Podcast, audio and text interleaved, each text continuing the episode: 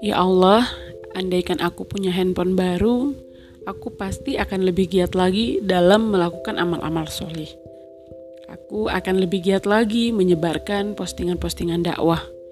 Aku akan lebih giat lagi menghubungi dan mengajak orang lain untuk lebih dekat denganmu. Ya Allah, andaikan aku punya motor, pasti akan lebih mudah untukku pergi ke kajian. Akan lebih mudah mengunjungi orang untuk ku ajak ke kajian. Akan lebih mudah untukku ke sana kemari mengurusi dakwah ini.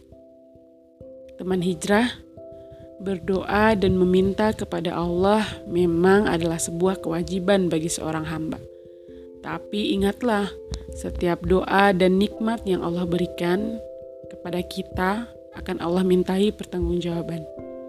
Semakin besar nikmat yang kita minta dan Allah kabulkan, maka semakin besar pertanggungjawabannya di hadapan Allah. Allah Subhanahu wa taala berfirman, "Ingatlah ketika Hawariyun berkata, Hai Isa putra Maryam, bersediakah Tuhanmu menurunkan hidangan dari langit kepada kami? Nabi Isa menjawab, Bertakwalah kepada Allah jika betul-betul kamu orang yang beriman.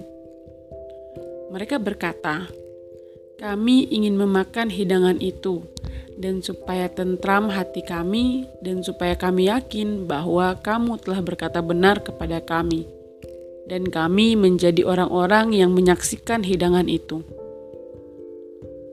Lalu kemudian Nabi Isa berdoa, "Ya Tuhan kami, turunkanlah kiranya kepada kami suatu hidangan dari langit, yang hari turunnya akan menjadi hari raya bagi kami, yaitu bagi orang-orang yang bersama kami dan yang datang sesudah kami."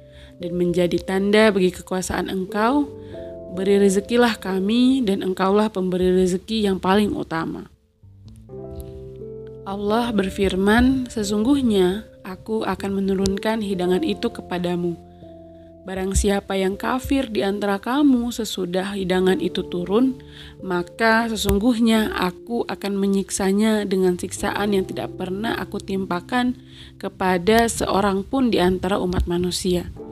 Terjemahan Quran Surat Al-Maidah ayat 112 sampai 115. Teman hijrah, pergunakanlah nikmat-nikmat yang Allah berikan untuk menguatkan keimananmu kepada Allah. Jika nikmat yang Allah berikan tidak menambah keimananmu, maka celakalah, tidak ada keberkahan di dalamnya.